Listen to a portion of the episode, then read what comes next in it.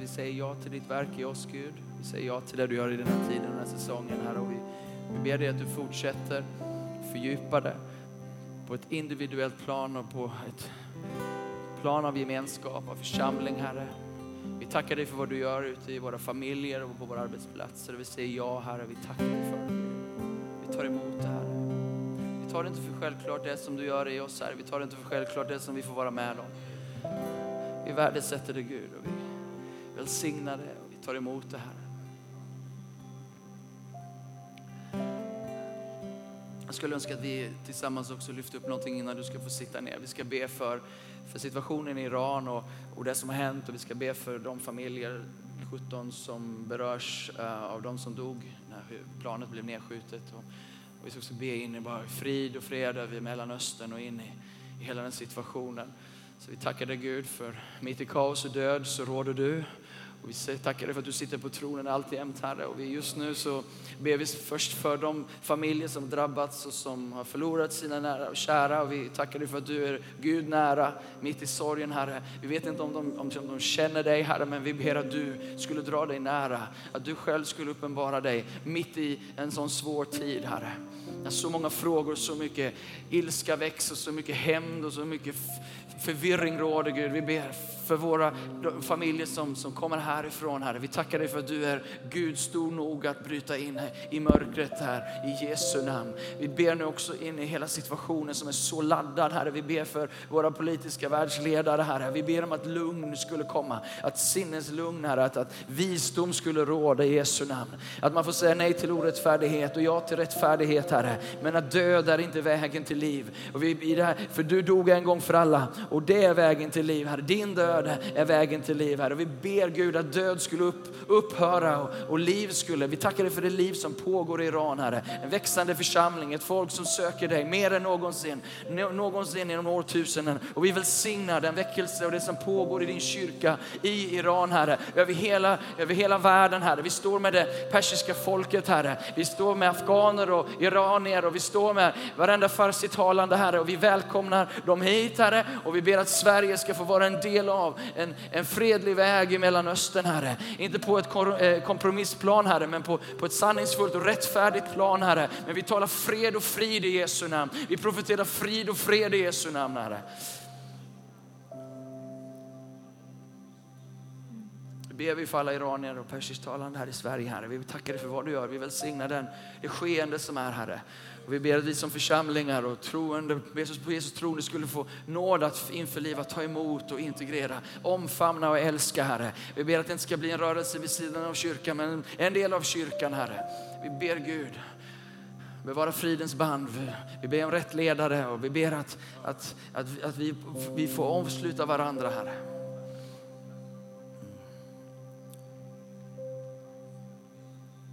I Jesu namn ber vi. Och allt folket sa.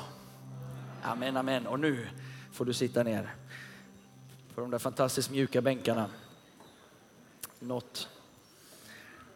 Men tids nog, ni vet att vi är inne i en eh, insamling av, för, för renovering. Eh, och har du inte, är du inte med i den så får du jättegärna delta. Ge in i renovation som är uh, eh, oh. ehm, som vi kallar det, renovation. Vi vill att det här huset ska vara redo för det Gud ska göra. Vi tror att den kommande härligheten över det här huset inte primärt handlar om hur fint det är på väggarna, men att vi som kyrka och kyrklokal ska vara redo och ta hand om alla människor som ska bli frälsta och befriade, helade, det Gud vill göra bland både svenskar och nysvenskar. Ehm, så eh, vill du vara med, gå gärna in på hemsidan så har du en eh, kan ta fram all information där, eh, renovation och, eh, och signa gärna upp dig. Så är vi många så kommer det här gå fantastiskt bra. Eh, vi blir ett stort bärarlag. Eh, du får hemskt gärna också fylla i en sån här liten lapp. Eh, för det hjälper oss att registrera ditt givande. Inte så att vi personligt håller koll på dig, men tillsammans ser hur mycket är det vi tänker att vi kommer ge över kommande år Eh, och vi har också möjlighet att kommunicera i ett nyhetsbrev till dig. Så fyll gärna i det här om du inte gjort det tidigare. Ehm, hur mycket du tänker ge och din e-mail textat tydligt. Tack. Eh, Paolo Lenius heter jag, om du inte känner mig. Ehm, och du har kommit till Citykyrkan den här söndagen. Eh, och vi, vi gillar att tillbe Gud på det här sättet. Man kan tillbe Gud i vardagen, man kan tillbe Gud på många olika sätt. Eh, det viktiga är att hjärtats inställning bakom. Och, eh, men det här är ett sätt att verkligen få tacka och tillbe Gud på. Vi, vi älskar det. Vi älskar Guds närvaro mitt ibland oss. Eh, och eh, nu ber jag om nåd att få ta oss igenom det här på lite kortare tid än vad vi brukar. om kvart över tolv. Nej, tio över. Eh, fastans belöning, hörni. Jag får se, jag, jag, jag, hade tänkt mig kanske att jag skulle linda in det här lite mer, men nu har jag bara 20 minuter på mig. Så då, då, då kör vi spat istället. Eh, varför i hela världen ska man fasta? Det finns ju ingenting attraktivt med den där tomma tallriken. Den appellerar ju, ja, möjligtvis någon form av minimalistisk design, alla Skandinavien liksom. Men men det, det, det mättar ju ingen långsiktigt. Utan det är, liksom, det är bara det är rätt så platt och det är rätt så vitt och, och så här. Men, eh, men lik, vi, likväl gör vi det. Ehm, och jag skulle vilja fästa din blick på belöningen. Jag skulle vilja fästa blicken på varför vi gör det. Ehm, och den välsignelse som följer i fastan. Ehm, för det är klart att det finns en välsignelse i fastan. Ehm, och den pratar vi mycket om. Vi, vi önskar att ha en hållning att fasta är att fästa på Guds närvaro. Det är liksom att stanna upp vid, vid källorna, vid de ljuvliga strömmarna från Gud. Och det finns hur mycket som helst att liksom fördjupa sig i det och det vill vi poängtera. Fastan är inte ett lidande, eller vi upphöjer inte lidandet eller liksom bara gör det allmänt besvärligt. Vi är liksom inte asketiska på det sättet att vi tänker oss att vi, vi plågar oss själva till någon form av gudsgillande. Eh, allt det där berörde Alfred på ett fenomenalt sätt förra söndagen.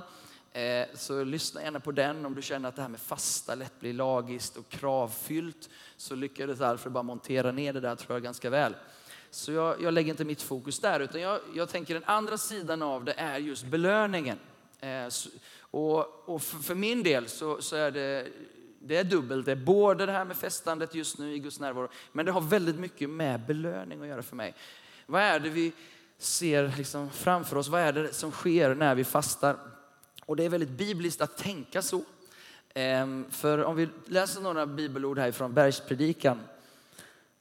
Ehm, och, och tre ansatser gör, gör Jesus. Och jag tänker mig att Jesus talar till oss som lärjungar, vi som vill följa Jesus, vi som har ett hjärta för Guds rike. Ehm, och är du här och du är ny idag och nyfiken på det här livet med Jesus så predikar och talar vi inte ut en massa krav här utan det här är ett, en, en, vilja att vilja följa, en längtan att vilja ha mer. Och, um, och då, då, finns det tre ansatser som Jesus ger oss. Det ena är givande. Uh, han säger inte om du ger eh, en gåva utan när du ger en gåva. Det finns en naturlighet i lärjungens liv att vara generös, att ge.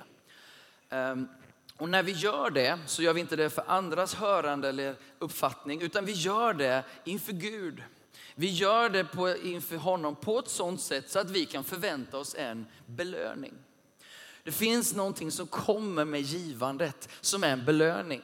Eh, som är då större har ett större värde än hålet du fick i din ekonomi om du förstår vad jag menar. Det första som händer är att du får mindre pengar. Men det faktum att du, du gör detta och gör det inför Gud så händer någonting. Och det som händer är att det är en belöning på väg emot dig som är större givet det du liksom har offrat på något sätt. Likaså i, i, i bedjandet, om vi tar nästa, rätt bön, när ni ber. Lärjungens sätt att leva och följa Jesus är att vara bedjande. Han bjuder in oss och eh, istället för att bara prata med sig själv och med den här världen och med andra människor om sitt liv så börjar vi prata med Gud om vårt liv. Vi börjar bjuda in Gud och vi börjar relatera till vårt liv utifrån en relation med Gud. Vi börjar relatera från, från Guds sätt att se på saker. Bönen är att bara bjuda in Gud i allt det som är vårt liv och göra livet i gemenskap med Gud. Det är lärjungens sätt att leva. Vad som händer då är att du ska bli belönad. Fadern belönar dem som lever så. Det finns någonting efter bedjandet, efter givandet som kommer till dig som inte fanns där innan. Um, utan det är någonting som får en effekt på ditt liv. Och så sist något vi ska fästa blicken på. Um, rätt fasta, när du fastar. Alltså inte om du fastar, utan när du fastar. Lärjungens respons på Jesus eh, är en, en inbjudan från Jesus att följa med honom i en rörelse. Så ingår det en del av fastan. Eh, och det är inte för att ta något ifrån dig, utan det är att få kunna belöna dig. Att kunna förmera Gudsriket i dig. Att den nåd som är dig fritt och förintet given får bli tillämpad och få sin verkan i ditt liv. Givandet, bedjandet, fastandet gör att den nåd som du fritt och förintet står under eller står i börjar verka ut genom ditt liv. Och det som händer är att du får smak på belöningen. Du börjar igenkänna, aha, det här är frukten av hans rike. Det här är vad som kommer av ett liv i hans efterföljelse. Hänger ni med mig? Så, så gensvaret in i fastan, som är en del av det här, den här lärjungens rytm, att leva och följa Jesus, gör det då möjligt för Gud att belöna dig på ett sätt som han söker. Han söker att belöna dig. Så vad är då lönen? Vad är det du längtar efter eller vad är det vi gör detta för? Vad är det vi önskar ska ske? Och det måste finnas ehm, en rimlighet, eller snarare tvärtom. Det finns ju ingen rimlighet att avstå från det goda Gud har skapat som mat om det inte gav något som är ännu godare som belöning. Den tomma tallriken här är ju inte inbjudande i sig, utan det är någonting det står för som är godare än den mat som skulle legat där. Hänger ni med mig? Du funderar och sitter där och tänker lite. Det är bra. Och jag skulle säga då att givandet, bedjandet, fastandet är då effektiva verktyg eller redskap eller vapen om man kallar det för det i din vandring. För att när du och jag får möta Guds rike och möta Jesus så vill vi följa honom. Men om du inte märkt det redan så finns det andra saker som drar i dig.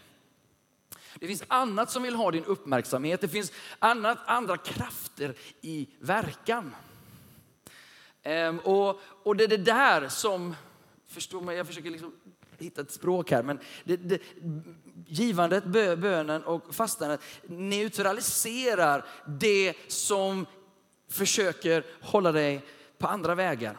Jag pratar om, i Bibeln pratas det om köttet. Köttet i Bibeln är de begär, de negativa begären som drar dig ner i skiten. Har någon känt av det någon gång? och, så, och så börjar du fasta och be, så det första du känner är bara att det där köttet kommer till liv. Men, och det där kan man fundera på varför det kan vara så ibland. Men i alla fall, ehm, det där är högst verkligt, högst närvarande i våra liv. Vi gör inte allt det vi vill, vi märker att det sliter och drar på insidan. Hur ska vi hitta ett sätt där vi faktiskt får leva på ett sätt vi vill leva på? Och då menar jag inte att vi ska börja göra massa saker, men vi ska respondera på den nåd som är oss given. Respondera på det Gud gör. Genom det så får vi motståndskraft mot köttet. Vi får motståndskraft mot andras kött. Och när vi pratar om andras kött, då pratar vi om det som andra säger till dig och gör mot dig, som så gärna vill sätta sig på insidan. Och jag menar att givandet, bedjandet, fastandet gör att ditt liv får en förankring i himmelen istället i Jesus istället på ett sådant sätt så när du och jag möter vår nästa som inte är lika helgad som dig då, för du är ju ett helgon, eh, och, och blir ditt, så blir det din last plötsligt. Men hur ska du kunna gensvara på ett annat sätt som inte är likbördigt, likvärdigt? Hur ska vi inte svara våld mot våld, hat mot hat? Och då är biblisk lösning på att det finns ett annat rike, det finns en annan kung, det finns en annan att följa. Men du kommer aldrig någonsin kunna följa honom, göra gott, leva gott, besegra det onda i dig själv. Utan det handlar om att ge utrymme för Guds nåd i ditt liv. Givandet, bedjandet, fastandet.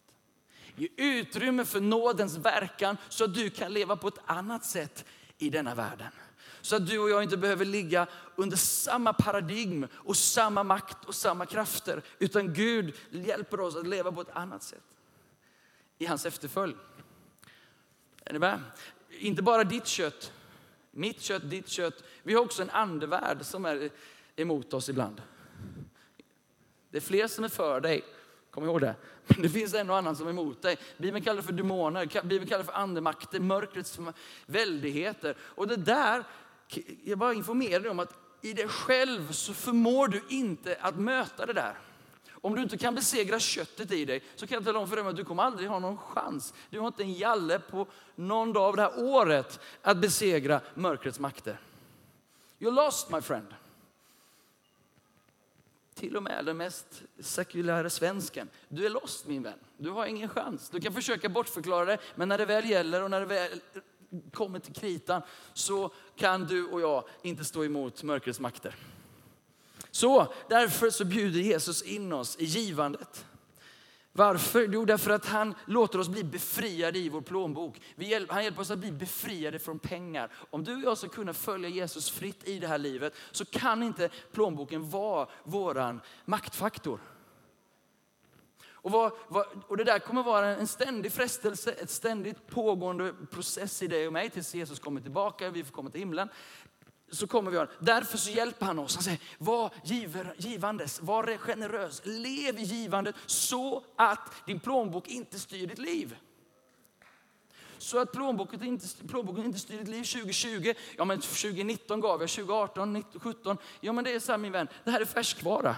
Därför står det att det är någonting som vi pågående, givandet i våra liv. Eh, bedjandet samma sak.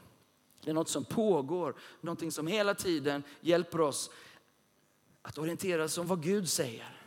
Och vad Gud har för oss. Guds rörelse i våra liv, i vår församling, i vår stad.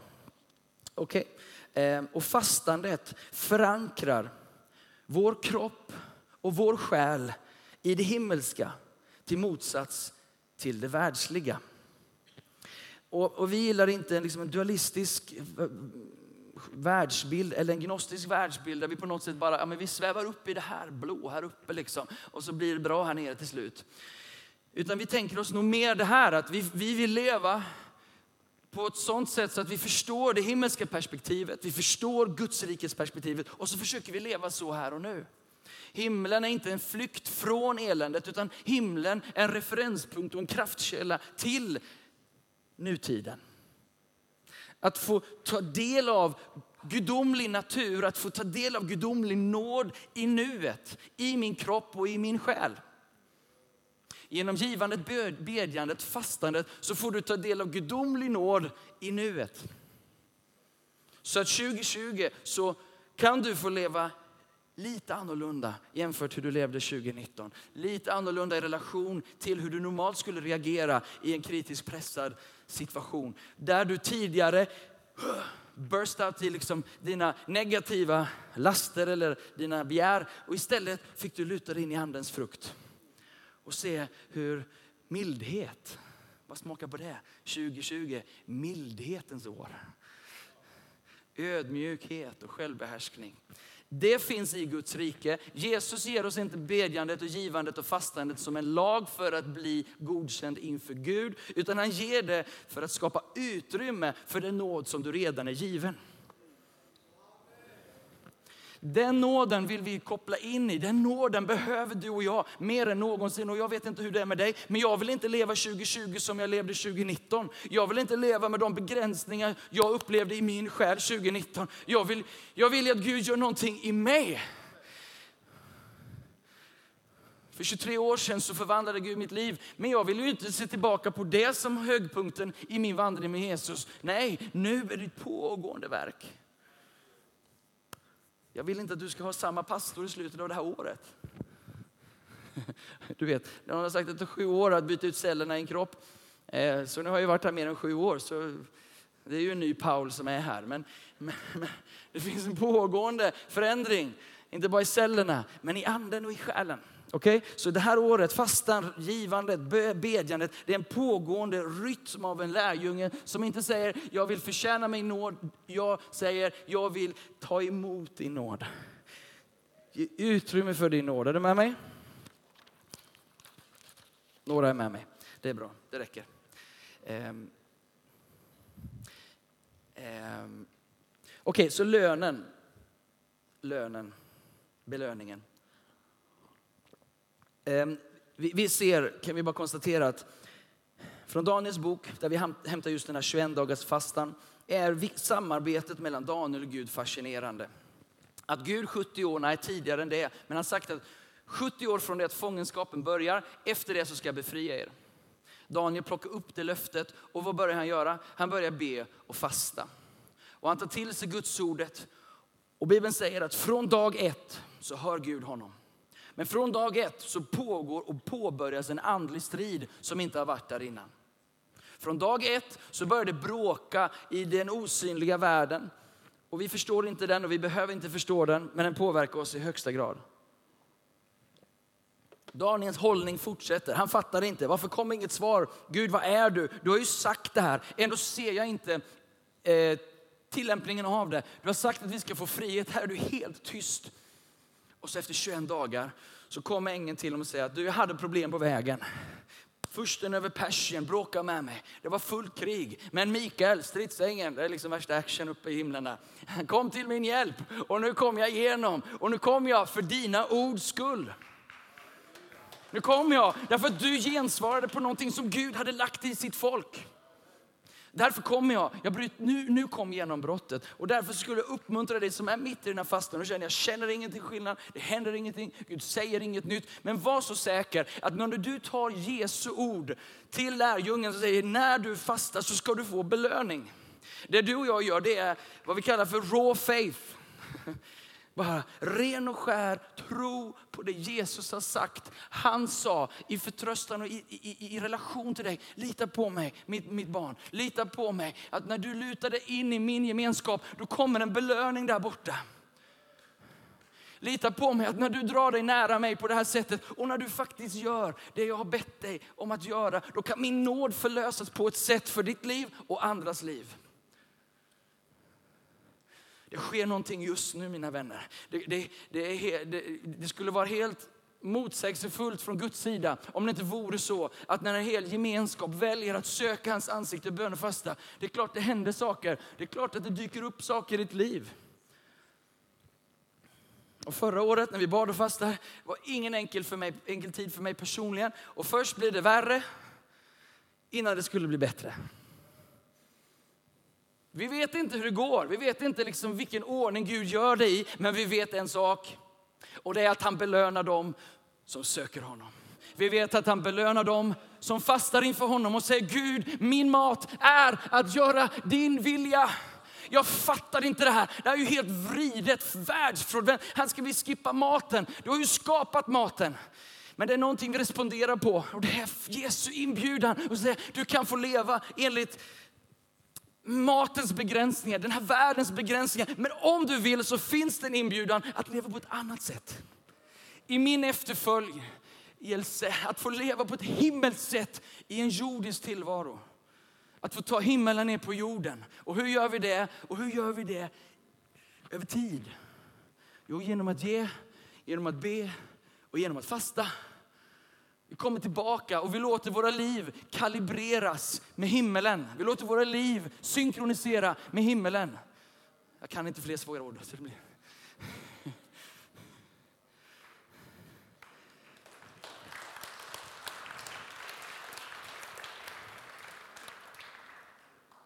Lönen är fem saker nu då, på sista fem minuterna. Det är nytt lyssnande. Det är frihet. Det finns en andlig auktoritet som kommer med fastan. Det finns ett tilltagande av rättfärdighet, frid och glädje utifrån att Guds rike tilltar i ditt liv. Jag tror att fastan är också början på en ny tid. Om vi går tillbaka till eh, bibelorden kopplade till varje bara så gör vi det kort. För det första, fastan är anpassning till himlen. Du väljer att säga att min mat är hans vilja. Min mat är där uppe i bemärkelsen att det som är Guds tanke för mitt liv, jag väljer att dra mig in i det istället för att orientera, orientera mig utifrån mina möjligheter här.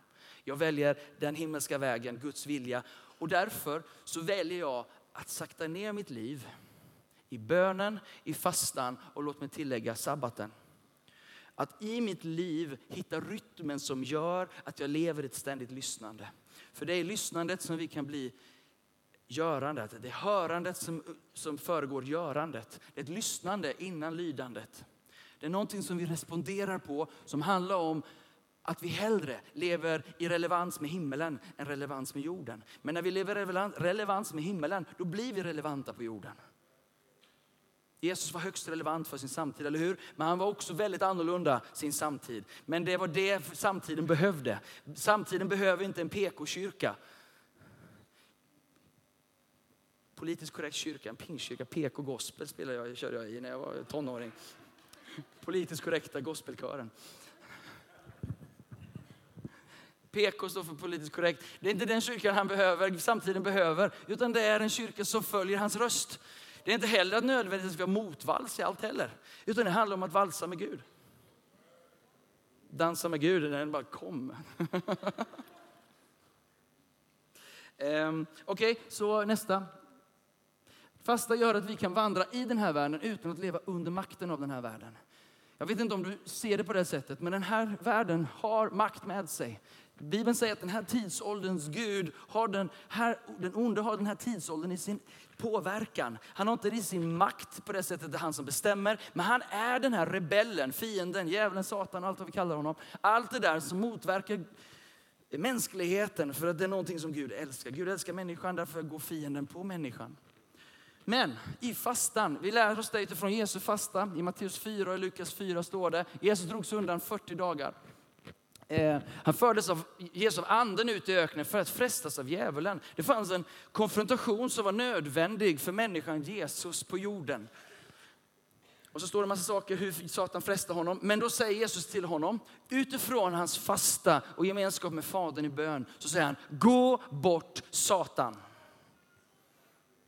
Det kommer en auktoritet som, gör, som, som skapar en frihet i ditt liv. Som gör att du inte behöver eh, liksom, pastorerna på främre rad här för att be för dig när du behöver lite frihet. Utan i fastan så söker du källorna själv och där någonstans så får Guds ord i dig bli levande. Så att du, precis som Jesus, använder Guds ord för att tala till de lögner som fienden försöker plantera i din själ. Och så säger du till slut, gå bort Satan, vik härdan, get out of my way.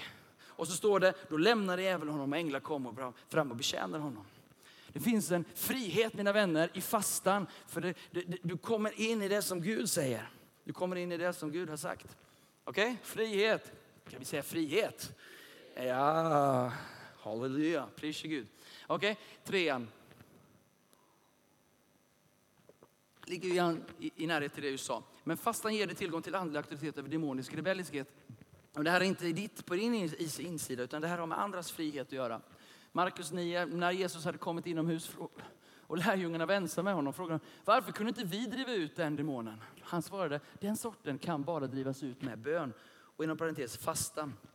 Alla eh, eh, grekiska handskrifter har inte med fastan där. Men poängen spelar inte så stor roll för Jesus poäng är att min auktoritet som människa kommer utifrån min gemenskap med Gud, med Fadern. Jag verkar i en högre auktoritet just nu på grund av vem jag har varit med. Ni lärjungar, ni försökte reda ut det här på den platsen av liksom upptagen med det som sker här. Men någonting med Jesus gjorde att han hade möjlighet att relatera annorlunda till situationen. Han hade en auktoritet med sig in i den situationen. Och jag skulle vilja knyta den till fasta, för det är någonting som händer i bönen och i fastan. Och vi skulle kunna ta andra exempel, men tiden ger oss inte det. Fyra, Fastan riktar din hunger till Guds rike istället för den här världens tillfredsställelse. Jag hade en diskussion med Caspian igår på förmiddagen. Och det var att han vill ha godis nu. och jag försökte prata med honom att det, det, finns en del saker som vi avstår nu och så får du mer sen istället. Det finns någonting som vi avstår nu och det finns en större belöning sen. Och jag vill bara påminna dig om att det är precis där vi är nu. Vi avstår någonting nu för att få en större belöning sen. Och den belöningen är så mycket godare än den där godisbiten nu.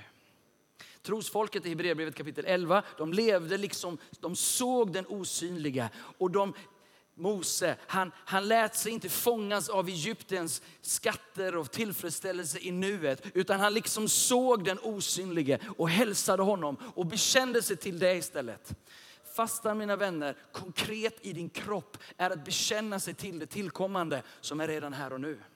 Guds riket som är i sitt fullkomliga tillstånd i himmelen när vi kommer till honom där. Men redan nu får vi del av detta. Och genom fastan så säger vi, jag vill hellre ha Guds rättfärdighet, frid och glädje i mitt liv. För Guds rike är sådant enligt Romarbrevet 14 och 17. Vi längtar efter mer rättfärdighet i våra liv. Och inte för att vi ska bli rättfärdiga inför Gud. Men låt mig säga så här, för att bli rättfärdiga inför varandra. Eller leva rättfärdigt i gemenskap. Så mina gärningar blir rättfärdiga. Inte för att imponera på Gud, utan för att följa Jesus i mitt sätt att hantera livet. Vi säger mer ditt rike och när vi säger mer riket, då säger vi mer rättfärdighet. Hur vi hanterar varandra. Vad händer då? Jo, då blir friden större. Och när friden blir större så blir glädjen större. Guds rike tilltar men har sin botten i rättfärdighet. I fastan så väljer vi detta. Det är vår belöning. Tänk att få leva ett liv i rättfärdighet, frid och glädje. Amen. Någon mer som längtar efter det? Sist men inte minst då. Fastan tar dig ur öknen och ur fångenskap. Ehm, um, lovsångare, ni får gärna komma upp här.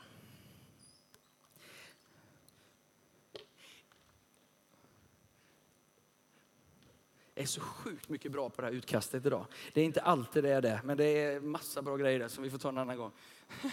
Får man säga så om sig själv? Det är evangelium så det är inte om mig. Men det är så bra. Jesu ord är så bra. Ehm, men jag tänker mig att Gud tar oss in i en ny tid genom fastan. Och jag säger det igen, var inte rädd. Redan från första dagen när du vände ditt hjärta till att förstå och ödmjuka dig inför Gud så har dina ord varit hörda och jag har nu kommit på grund av dina ord. Jag vet inte när så att säga, genombrottet kommer in i ditt liv, men en sak vet jag och det är att Gud hör från dag ett. Gud är dig tillvänd från dag ett. Och det kommer ett genombrott. För Jesus sa, den som ger, ber och fastar blir belönad. Det är, det är bara så det funkar, att det kommer. Gud svarar på dina böner, Gud svarar på din längtan, Gud svarar på det som sker under den här perioden. Personligen så känner jag att jag inte har någon lust att springa omkring i öknen. Personligen känner jag inte att liksom stirra omkring i 40 år i öknen. Jag vill hellre ta liksom den raka vägen till öknen. Jag vet att i löfteslandet så blir det inte lugnt och stilla, det blir inte semester heller. Men jag är mycket hellre där. Mycket hellre där. Och därför så tänker jag att det är någonting som Gud gör i bönen och fastan. Han kommer åt dig och mig. Förstå mig rätt. På områden och delar av oss som vi inte alltid låter Gud ha access till. Och det här är, jag bad igår, jag bara fråga Gud, vad är det du vill göra i mitt liv?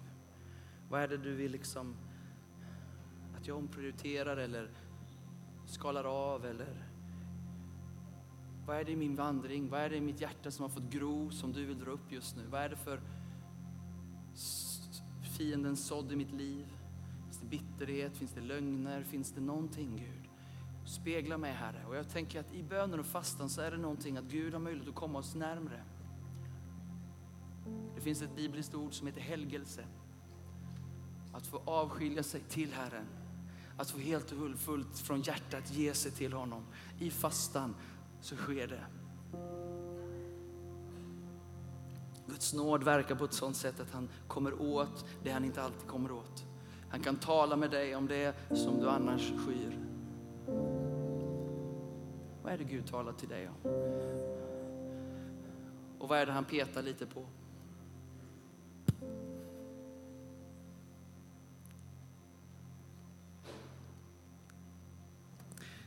För den här fastan handlar ju inte om att kläderna börjar sitta lite tunnare liksom. Eller att på morgonen när jag skulle borsta Caspians tänder och hans ansikte var, pappa du luktar så äckligt i munnen. och då hade jag ändå borstat tänderna. Men det finns det som faktiskt luktar lite äckligt i våra liv. Och I fastan får vi dålig andedräkt, men i fastan så kan Gud ta tag i en del av unken lukt i våra liv. Som vi faktiskt inte själva är medvetna om. Jag tänker inte hur illa jag luktar i munnen just nu. Jag är ett med min andedräkt. Men du känner vad det stinker. Och min son får kvällningar liksom. The, the blind spot in our lives. Liksom. Tänk om Gud skulle nå det. Wow! Tänk om Gud vill ta i det mitt liv som är kanske rötterna till massa elände, som är problem, som skapar problem i relationer, som gör att jag inte får liksom den där favören. Gud vill belöna dig min vän. Gud vill bara ösa av himmelens välsignelse och favör över ditt liv. Men, men det där i hjärtat som osar, det blir liksom, uh, uh, trögar igen systemet. Så i fastan så låter Gud dig få komma djupare och närmare. Och ju närmare vi kommer honom, desto mer blir vi medvetna om hur våra hjärtan på riktigt är till och står till här nere. Ja, Jesus.